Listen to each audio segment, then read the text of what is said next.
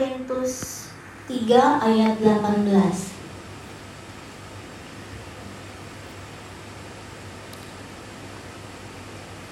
2 Korintus 3 ayat 18 Oke, kita mau sama-sama baca firman Tuhan ini dengan suara yang keras Dengan iman di hadapan Tuhan. Amin.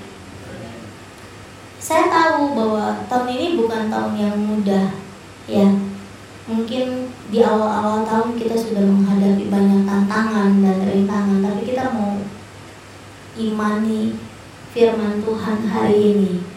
Tiga, dua, satu.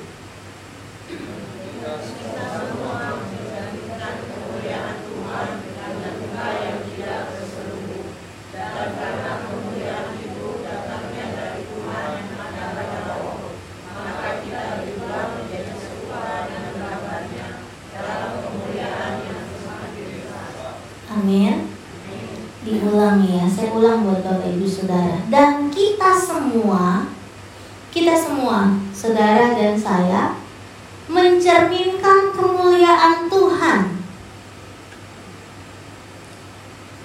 Jadi kalau kita melihat kiri kanan kita kiri kanan kita itu juga penuh dengan kemuliaan Tuhan. Amin. Dan dengan muka yang tidak terselubung. Terselubung itu apa sih? Tertutup. Meskipun hidung kita pesek, kulit kita hitam, jidat kita lebar, tahu gak sih jidat ini apa namanya? Kening kita lebar gitu ya. Rambut kita kriwol. Tetapi tidak terselubung kemuliaan Tuhan di atas wajah kita. Meskipun sedang menghadapi penderitaan, meskipun sedang banyak masalah, meskipun sedang berjalan dalam ketidakpastian, satu hal pagi hari ini saya mau Bapak Ibu Saudara tanamkan di hati bahwa kemuliaan Tuhan ada di dalam kita, ada di wajah kita. Kan ada lagu yang kulihat di wajahmu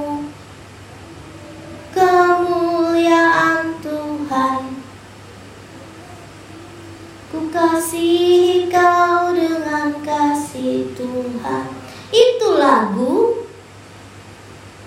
Sesuai dengan firman Tuhan yang kita baca hari ini Bahwa kemuliaan Tuhan ada di wajah kita dan tidak terselubung Meskipun kita sedang menghadapi banyak sesuatu yang tidak pasti di depan tetapi kemuliaan Tuhan tuh ada di wajah kita. Di situ dibilang lagi dan karena kemuliaan itu datangnya dari Tuhan yang adalah roh, maka kita diubah menjadi serupa dengan gambarnya dalam kemuliaan yang semakin kecil. Betul?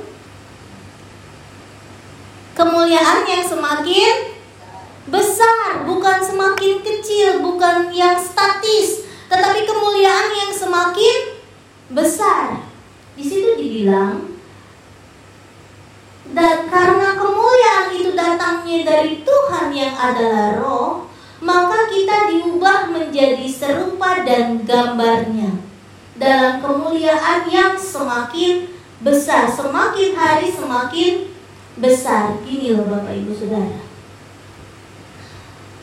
Tantangan yang kita hadapi di dalam kehidupan ini adalah semua tantangan daging.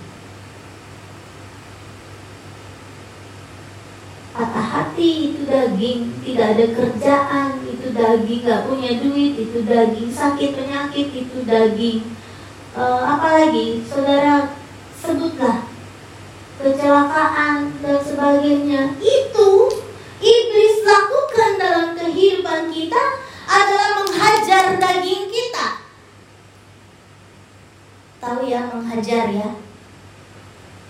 Mencoba menghancurkan daging kita dan kita rasa bahwa aduh ada kecelakaan kita merasa marah, kita merasa sedih. Aduh, ada kegagalan, kita merasa marah, kita merasa sedih. Aduh, ada persoalan, kita merasa depresi, sedih, marah dan sebagainya. Itu usaha iblis menghancurkan daging kita. Padahal Alkitab di sini bilang kemuliaan itu datangnya dari Tuhan, dari Allah yang adalah roh.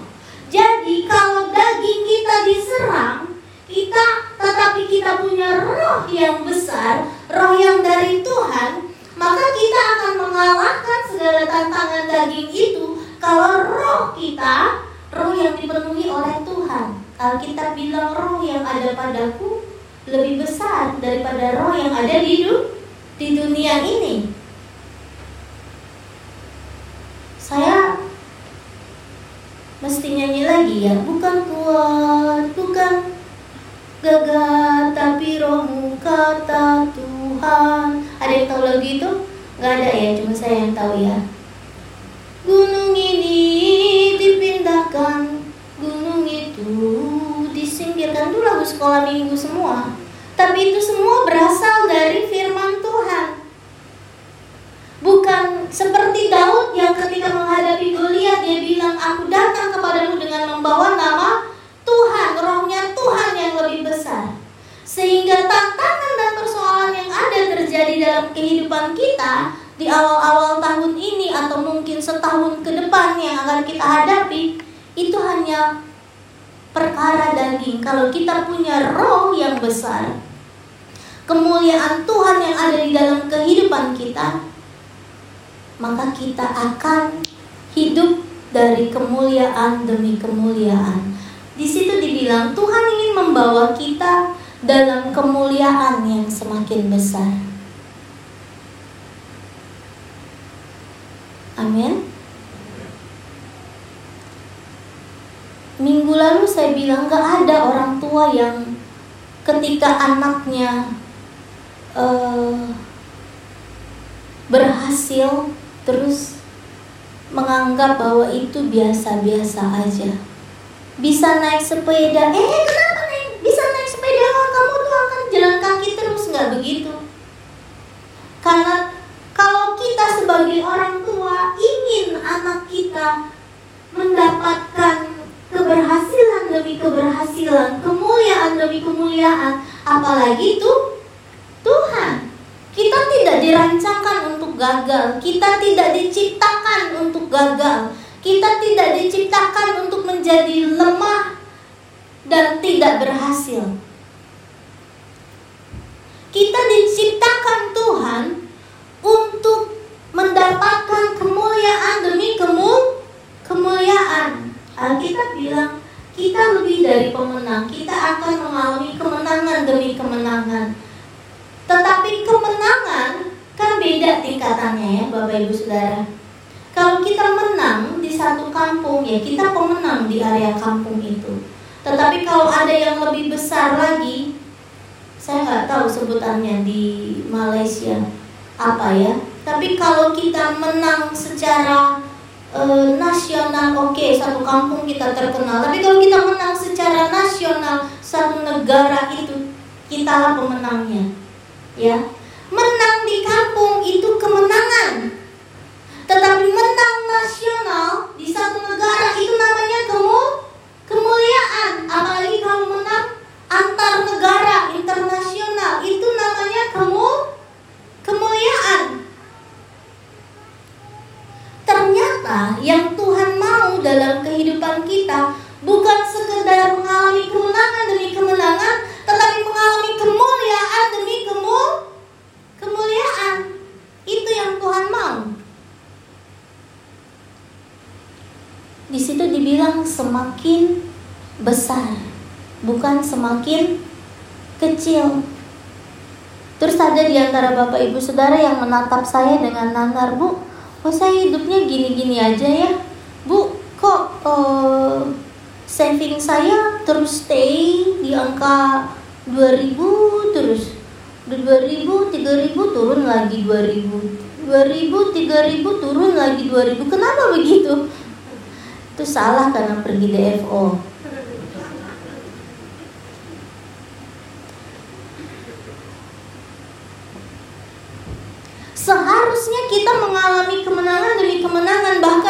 kemuliaan demi kemul kemuliaan. Berikutnya kita buka Alkitab kita di Ayub 8 ayat 7.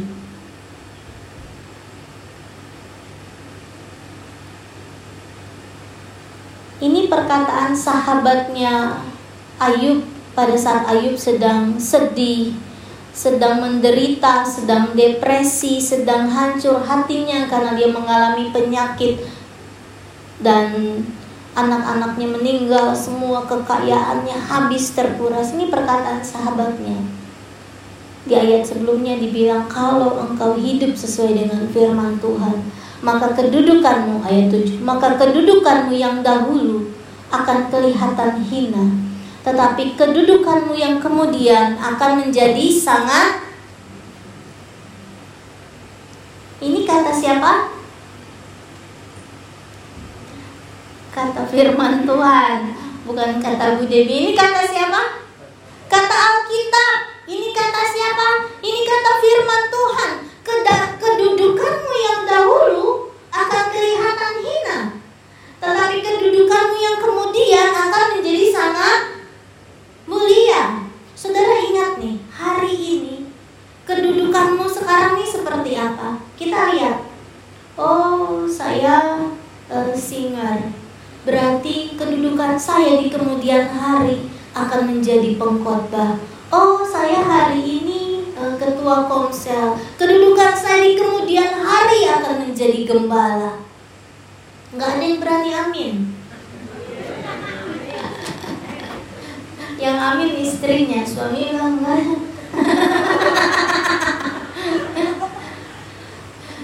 ya uh, saat ini apa yang kita uh, punya itu secara rohani sehari ini apa yang kita punya kita punya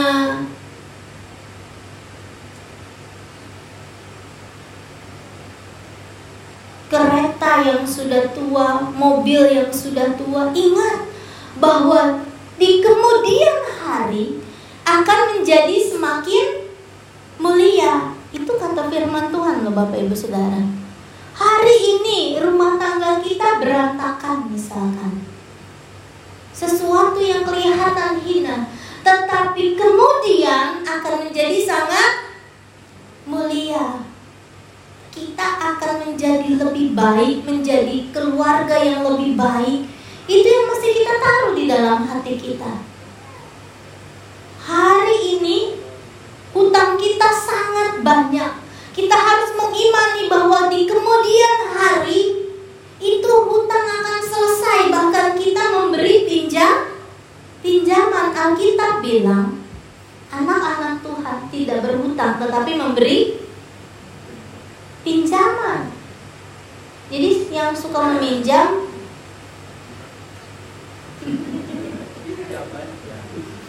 Stop. Kenapa stop? Alkitab bilang engkau akan memberi pinjaman, bukan meminjam. Makanya saya kalau ke bank ya, itu saya kalau taruh uang selalu di mesin aja. Karena kalau saya pergi ke teller, pasti ditahan. Uh, kamu mau beli rumah nggak? Kamu mau apply kartu kredit nggak? Kamu mau uh, pinjaman ini nggak? Pinjaman itu nggak? Aduh, buat orang yang suka mendapat meminjam akan bahagia dapat tawaran gitu. Kamu mau beli mobil nggak? Mau ganti mobil nggak? Kredit dan sebagainya ditawarin bapak ibu saudara.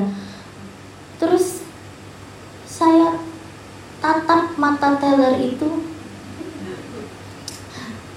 sehingga mata kita saling bertatapan dan saya bilang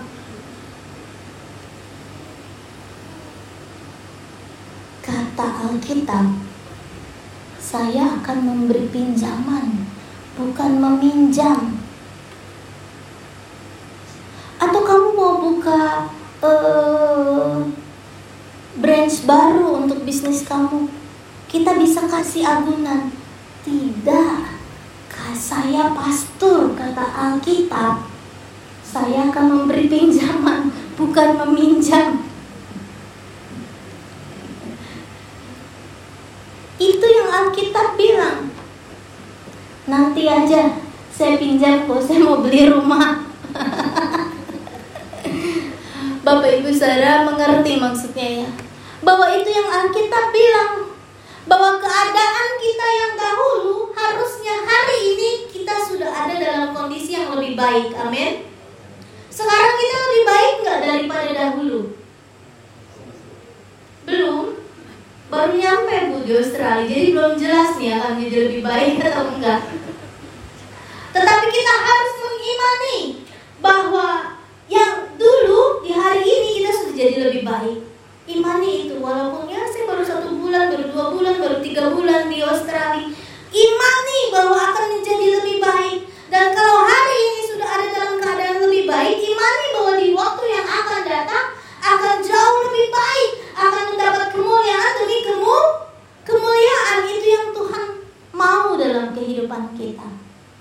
Ini bukan khotbah uh, apa itu namanya? Teologi kemakmuran bicara soal berkat dan berkat, tetapi ini yang firman Tuhan bilang. Bagaimana Ayub, ini kan dari kisahnya Ayub, bagaimana Ayub yang semuanya habis, anaknya, hartanya habis sampai dia harus tidur di atas abu karena dia sakit kusta. Tetapi ketika Tuhan memulihkan keadaannya, Tuhan melipat gandakan dari yang sebelumnya. Seharusnya dalam kehidupan kita, tahun demi tahun apa yang kita dapatkan selalu dilipat gandakan.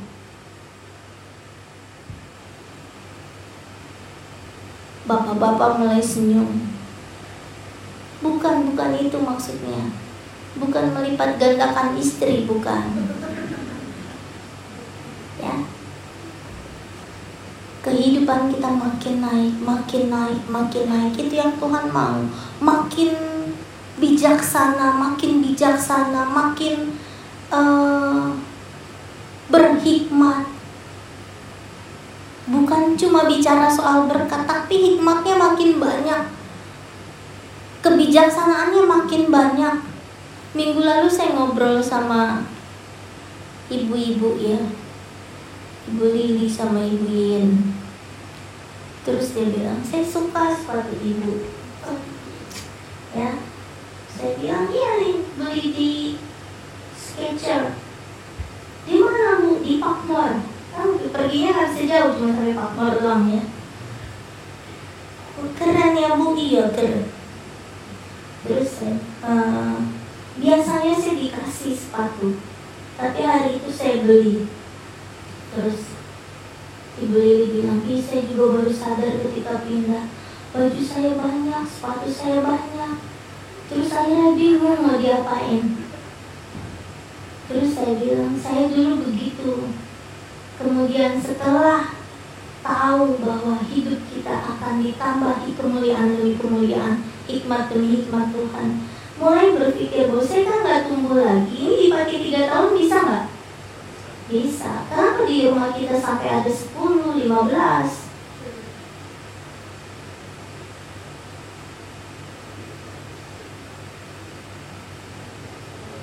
harus ada. Ibu sepatu seratus dolar juga ya tetap nah pada kalau hikmat kita bertambah maka kita akan mengerti oh iya nggak perlu saya punya 15 nggak perlu saya punya 10 cukup punya beberapa kemudian sisanya dari berkat yang Tuhan beri kita bisa gunakan untuk menolong orang lain. Amin. Hikmatnya nambah bukan cuma berkat. Kalau berkatnya nambah beli sepatunya nambah, beli bajunya nambah, beli mobilnya nambah, ya account balance-nya di situ-situ aja nggak naik. Jadi kalau berkatnya nambah, hikmatnya harus nambah, kebijaksanaannya harus nambah, maka kemuliaan Tuhan akan tambah. Saya bilang begini, Bapak Krisna itu ketika awal bulan, eh awal tahun ini saya pergi Pakmur saya bilang itu beli baju di corner tahu ya saya salah nggak sih ngomongnya? Iya corner ya e, deket Pakmur situ. Terus saya bilang itu ada kaos 9,99 beli 7 lama buang. Pakai tuh Sabtu Senin Selasa Rabu Kamis Jumat Sabtu Minggu. Betul tahun sebelumnya juga begitu. Jadi kadang dia pakai baju biru biru kalau dijemur biru biru biru semua. Tujuh udah habis itu tahun depan buang. Karena kan nggak mungkin kita pakai terus kita simpan bertumpuk. Akhirnya ujung-ujungnya di buang juga. Hikmatnya makin nambah. Kenapa?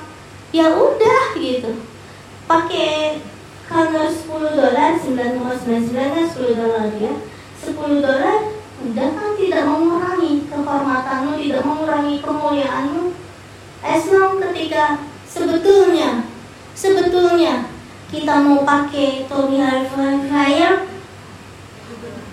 mau pakai yang apa lagi eh, saya nggak tahu merek sih bapak ibu saudara ya bisa, tetapi itu kadang-kadang kita kenakan bukan lagi karena kita perlu, tapi karena pride. Kan sama aja, pakai corner yang 9,9 tapi sebetulnya saya beli, bisa beli itu. Kaos Gucci, itu kaos uh, Tommy Hilfiger gitu ya, bisa. Tetapi saya nggak mau karena memilih kemuliaan Tuhan harus lebih ditinggikan dalam kehidupan saya melalui bisa membagikan berkat kepada orang lain. Itu yang Tuhan mau. Tambah kaya itu, tambah diberkati itu bukan berarti apa yang kita pakai, apa yang kita kendarai makin mewah, makin bagus, bukan itu. Tetapi bagaimana semua orang memandang mengingat kita sebagai orang yang penuh kasih, sebagai orang yang suka menolong, sebagai orang yang penuh dengan kemurahan. Amin. Jadi, perhatikan baik-baik. Kedudukan kita yang dahulu hina, kemudian akan menjadi sangat mulia. Coba bilang sama sebelahnya. Dulu hina, sekarang mulia. Yang akan datang makin lebih mulia. Ngomong, yang akan datang akan lebih mulia. Amin taruh itu dan nanti di bulan Desember evaluasi makin mulia atau makin turun di akhir tahun nanti evaluasi makin mulia atau makin turun kalau makin turun berarti hidupmu tidak berpadanan dengan firman Tuhan sekarang berikutnya sampai kepada bagian yang terakhir cara untuk mengalami Tuhan gimana bu? Ibu ngomong aja ada kemuliaan demi kemuliaan. Caranya gimana? Caranya satu rindu mengalami Tuhan. Tuh di satu Tawari keempat ayat 10 ini ayat yang sangat terkenal bahkan sampai ada lagunya. Dan kiranya Tuhan memberkati aku berlimpah-limpah dan memperluas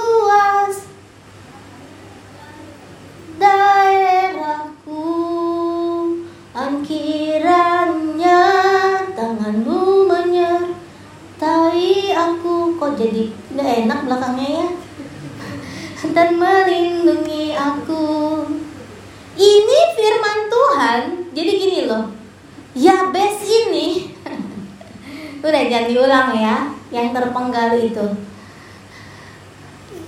Yabes ini sama seperti Ayub. Ayub kaya dulu kemudian jatuh miskin. Yabes dari masih dalam dikutuk. Yabes dari masih kecil sudah dikutuk. Yabes dari masih dalam kandungan sudah dikasih nama sebagai sebuah kesakitan. Yabes itu artinya kesakitan. Dari masih dalam perut loh nggak ada ibu-ibu hamil terus bilang aduh anakku biar aku jadi bodoh biar apa kan nggak ada begitu tetapi ibunya sudah bilang bahwa ini anak yang penuh dalam kesakitan tetapi Yabes punya kerinduan untuk mengalami Tuhan. Alkitab bilang kita bisa mengubah kutuk menjadi berkat tetapi kita diam aja itu persoalannya kita harus punya kerinduan mengalami Tuhan kita harus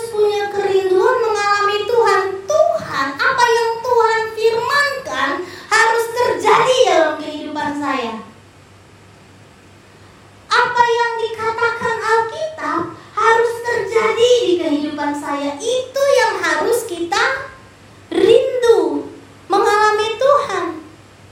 Kadang-kadang kita sukanya apa sih? Yaitu orang lain ditolong Tuhan, ya, ya kan relasinya banyak.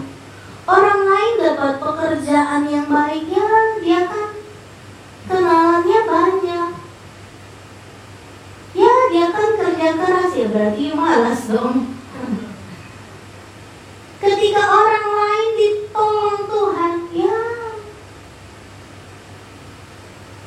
dia kan memang sungguh-sungguh di dalam Tuhan. Ya makanya kamu sungguh-sungguh. Kan begitu. Seringkali kehidupan kita adalah ketika kita mengalami sesuatu yang berat, orang lain berhasil, kita cuma blame diri sendiri. Ya, saya memang begini. Keluarga saya kan, saya kan anak broken home. Keluarga saya kan berantakan. Saya kan bukan dari keluarga yang sejahtera. Uh, orang tua saya kan miskin. Ayo semua saudara mau labelin ke diri masing-masing. Bukan itu yang Tuhan mau. Yang Tuhan mau adalah Oke, okay, saya dari keluarga yang miskin. Oke, okay, saya dari anak yang broken home. Oke, okay, saya tidak berpendidikan tinggi. Tapi Tuhan, saya mau mengalami setiap janji Tuhan dalam kehidupan saya. Tapi Tuhan, saya mau mengalami Tuhan dalam kehidupan saya. Ya, best bisa. Mungkin ada yang bilang, oh Ayub bangkrut terus Tuhan naikin ya dia pernah tahu merasakan kaya dan dia mau kaya lagi nggak gitu ya bisnis sekarang saya kasih contoh dari dari dalam sudah dikutuk tetapi dia mau ubah kutuk menjadi berkat. Possible nggak? Possible. Sekarang pertanyaannya saudara rindu nggak mengalami kemuliaan Tuhan? Mengal rindu nggak mengalami kemenangan demi kemenangan? Kadang-kadang enggak. Diam aja menyalahkan diri sendiri menyalahkan situasi menyalahkan gen. Aku kan dari lahir tuh aku udah begini ya habis mau apa lagi saudara berikutnya yang terakhir mempelajari firman Tuhan dan melakukannya Alkitab bilang Yakobus 1 ayat 25 tetapi barang siapa yang meneliti hukum yang sempurna, yaitu hukum yang memerdekakan orang, dan ia bertekun di dalamnya. Jadi bukan hanya mendengar untuk melupakannya, tetapi sungguh-sungguh melakukannya. Ia akan berbahagia oleh perbuatannya. Amin.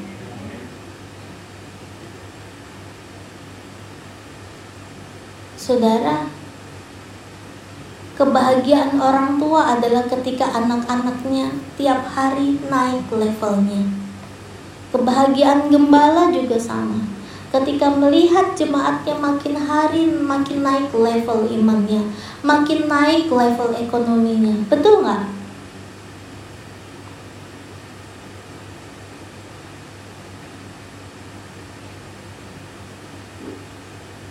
Pernah lihat Bapak Krisna kalau ketemu Eden misalkan Eden mobilnya baru udah besar gitu ya mobilnya UTE terus bapak bilang wah Eden Nah begini sih mobil kamu? Ikut-ikutan aja terus saya beli Navara kamu beli ini juga kan nggak gitu? Tapi bangga tapi bahagia. Ditolong Tuhan, visanya hidup lagi, dapat sponsor, jadi manajer apa pun itu ketika anak kita mengalami level yang makin meningkat, ketika jemaat kita makin meningkat, bahagia, bangga. Kenapa? Gembala mengasumsikan bahwa apa yang disampaikan, firman Tuhan yang disampaikan dialami oleh jemaat. Orang tua mengasumsikan apa yang diajarkan, apa yang didoakan dilakukan oleh anaknya sehingga anaknya naik level. Kan capek. Kalau mama saya suka bilang, gua ngomong sampai berbusa-busa, nggak ngerti-ngerti juga. Siapa suruh ngomong sampai busa-busa ya saudara ya? Gak ngerti-ngerti juga gitu ya. Capek orang tua kalau mengajarkan berulang-ulang tapi kita tidak meresponi, kita diam aja tidak mau melakukan. Tuhan mau kita pelajari firman Tuhan. Bapak Ibu Saudara, Saudara datang sama saya meminta nasihat. Kadang-kadang nasihat saya bagus-bagus amat. Saudara datang sama siapa? Bisnis konsultan. Nggak bagus-bagus amat nasihatnya kepada manajer properti ketika mau membeli rumah nggak bagus-bagus amat ke kredit analis ketika mau uh, kredit satu rumah nggak bagus-bagus amat nasihat itu saya mau bilang begitu nasihat yang paling bagus ada di dalam firman Tuhan baca tuh Alkitab lihat Alkitab, selidiki isi Alkitab secara baik-baik. Apa sih yang dikatakan Alkitab? Apa sih yang dikatakan Alkitab ketika saya patah hati? Alkitab bilang apa? Allah dekat pada orang-orang yang patah hati. Patah hati aja. Ya. Allah dekat sama orang-orang yang patah hati. Aduh, saya dengar kabar dari kampung tetangga sebelah, jiran sebelah, geser-geser patok tanah mama saya. Ada nggak di Alkitab? Ada di Alkitab. Mau apa lagi? Semua ada di Alkitab. Selidiki itu dan perkarakan itu kepada Tuhan. Maka kita akan mengalami Tuhan, kita akan mendapatkan kemenangan. Kita akan mendapatkan kemuliaan demi kemuliaan. Alami Tuhan, pelajari. Semua ada kok di Alkitab. Kita yang suka malas baca Alkitab, ataupun ada hadir di gereja mendengar firman Tuhan yang begitu bagus. Wow, wow, wow, wow. Tapi hanya mendengar lalu melupakan itu bukan kata saya, kata Alkitab nih. Hanya mendengar untuk melupakannya. Pulang ke depan lupa. Semalam saya ngajar tim. Ada dua saudara murid dan saya Ken dan Abby, Abigail. Saya harus make sure, Abigail kamu ngerti nggak? Ngerti ngerti. Kamu nanti pulang memintanya bisa jawab ya? Bisa bisa. Oke. Saya mau apa? Saya mau dia mendengar dan mengingatnya. Kalau dia mengingatnya, suatu saat firman itu hidup, dia akan keluar dengan sendirinya ketika anak itu menghadapi tantangan dan rintangan ketika anak ketika kita menghadapi masa-masa yang berat firman itu akan keluar dengan sendirinya. Jadi hari ini ingat baik-baik kita dengar. Bukan untuk melupakan tapi sungguh-sungguh melakukannya. Hari ini saya mau mau Bapak Ibu Saudara pulang sebentar. Dan taruh firman Tuhan ini di hati. Bahwa hari ini saya sulit tapi di hari-hari ke depan saya akan dapat kemuliaan di tempat yang lebih tinggi. Bahwa hari ini saya sakit, minggu depan, bulan depan, tahun depan saya akan disembuhkan. Hari ini saya masih rent rumah, tahun depan, dua tahun ke depan saya akan punya rumah. Hari ini saya masih jomblo, tahun depan saya akan menikah. Itu yang Tuhan mau terjadi dalam kehidupan kita. Hari ini saya pelit, kedekut bulan depan saya akan menjadi lebih murah hati. Itu yang Tuhan mau di dalam kehidupan kita. Amin. Mungkin ada di antara bapak ibu saudara yang bilang bu ibu mah kalau khotbah gampang. Ibu pendeta sih coba ibu jadi seperti saya. Rasul Paulus bilang, aku tahu apa itu kelimpahan, aku tahu apa itu kekurangan, Aku tahu apa itu di menderita sakit penyakit dan sebagainya. Aku tahu. Tetapi apa yang dialami itu tidak mengubah kemuliaan Tuhan di dalam kehidupan kita. Amin. Bapak Ibu Saudara, saya mau akhiri uh, firman Tuhan siang hari ini dengan satu cerita. Jadi uh,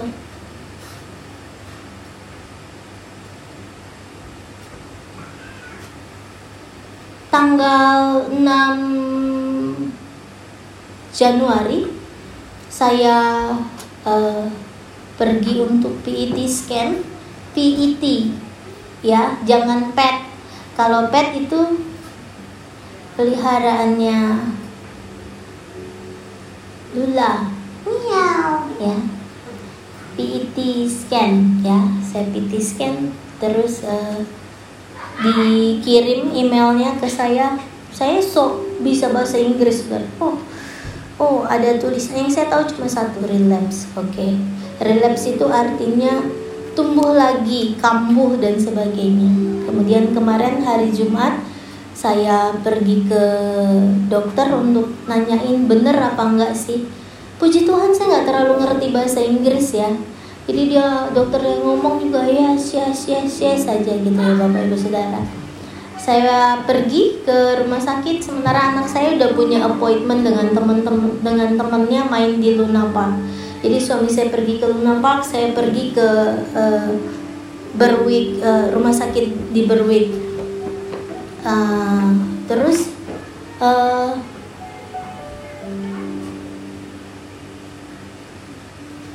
ya betul. Relapse tapi it's okay. Uh, saya lebih santai menghadapinya.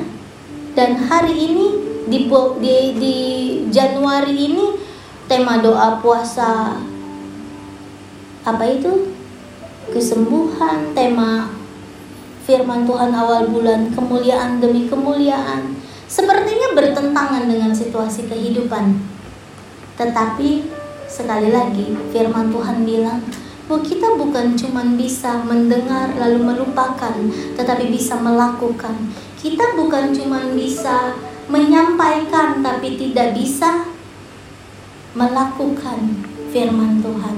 Jadi, kita sama menghadapi hari-hari yang berat, hal-hal yang berat, tapi kita sama-sama harus percaya bahwa kita akan mengalami kemenangan demi kemenangan. Amin. Kita akan mengalami kemuliaan demi kemuliaan. Amin saya undang singar maju bahwa firman Tuhan akan terjadi dalam kehidupan kita. Kita naikkan pujian yang terakhir. Hmm.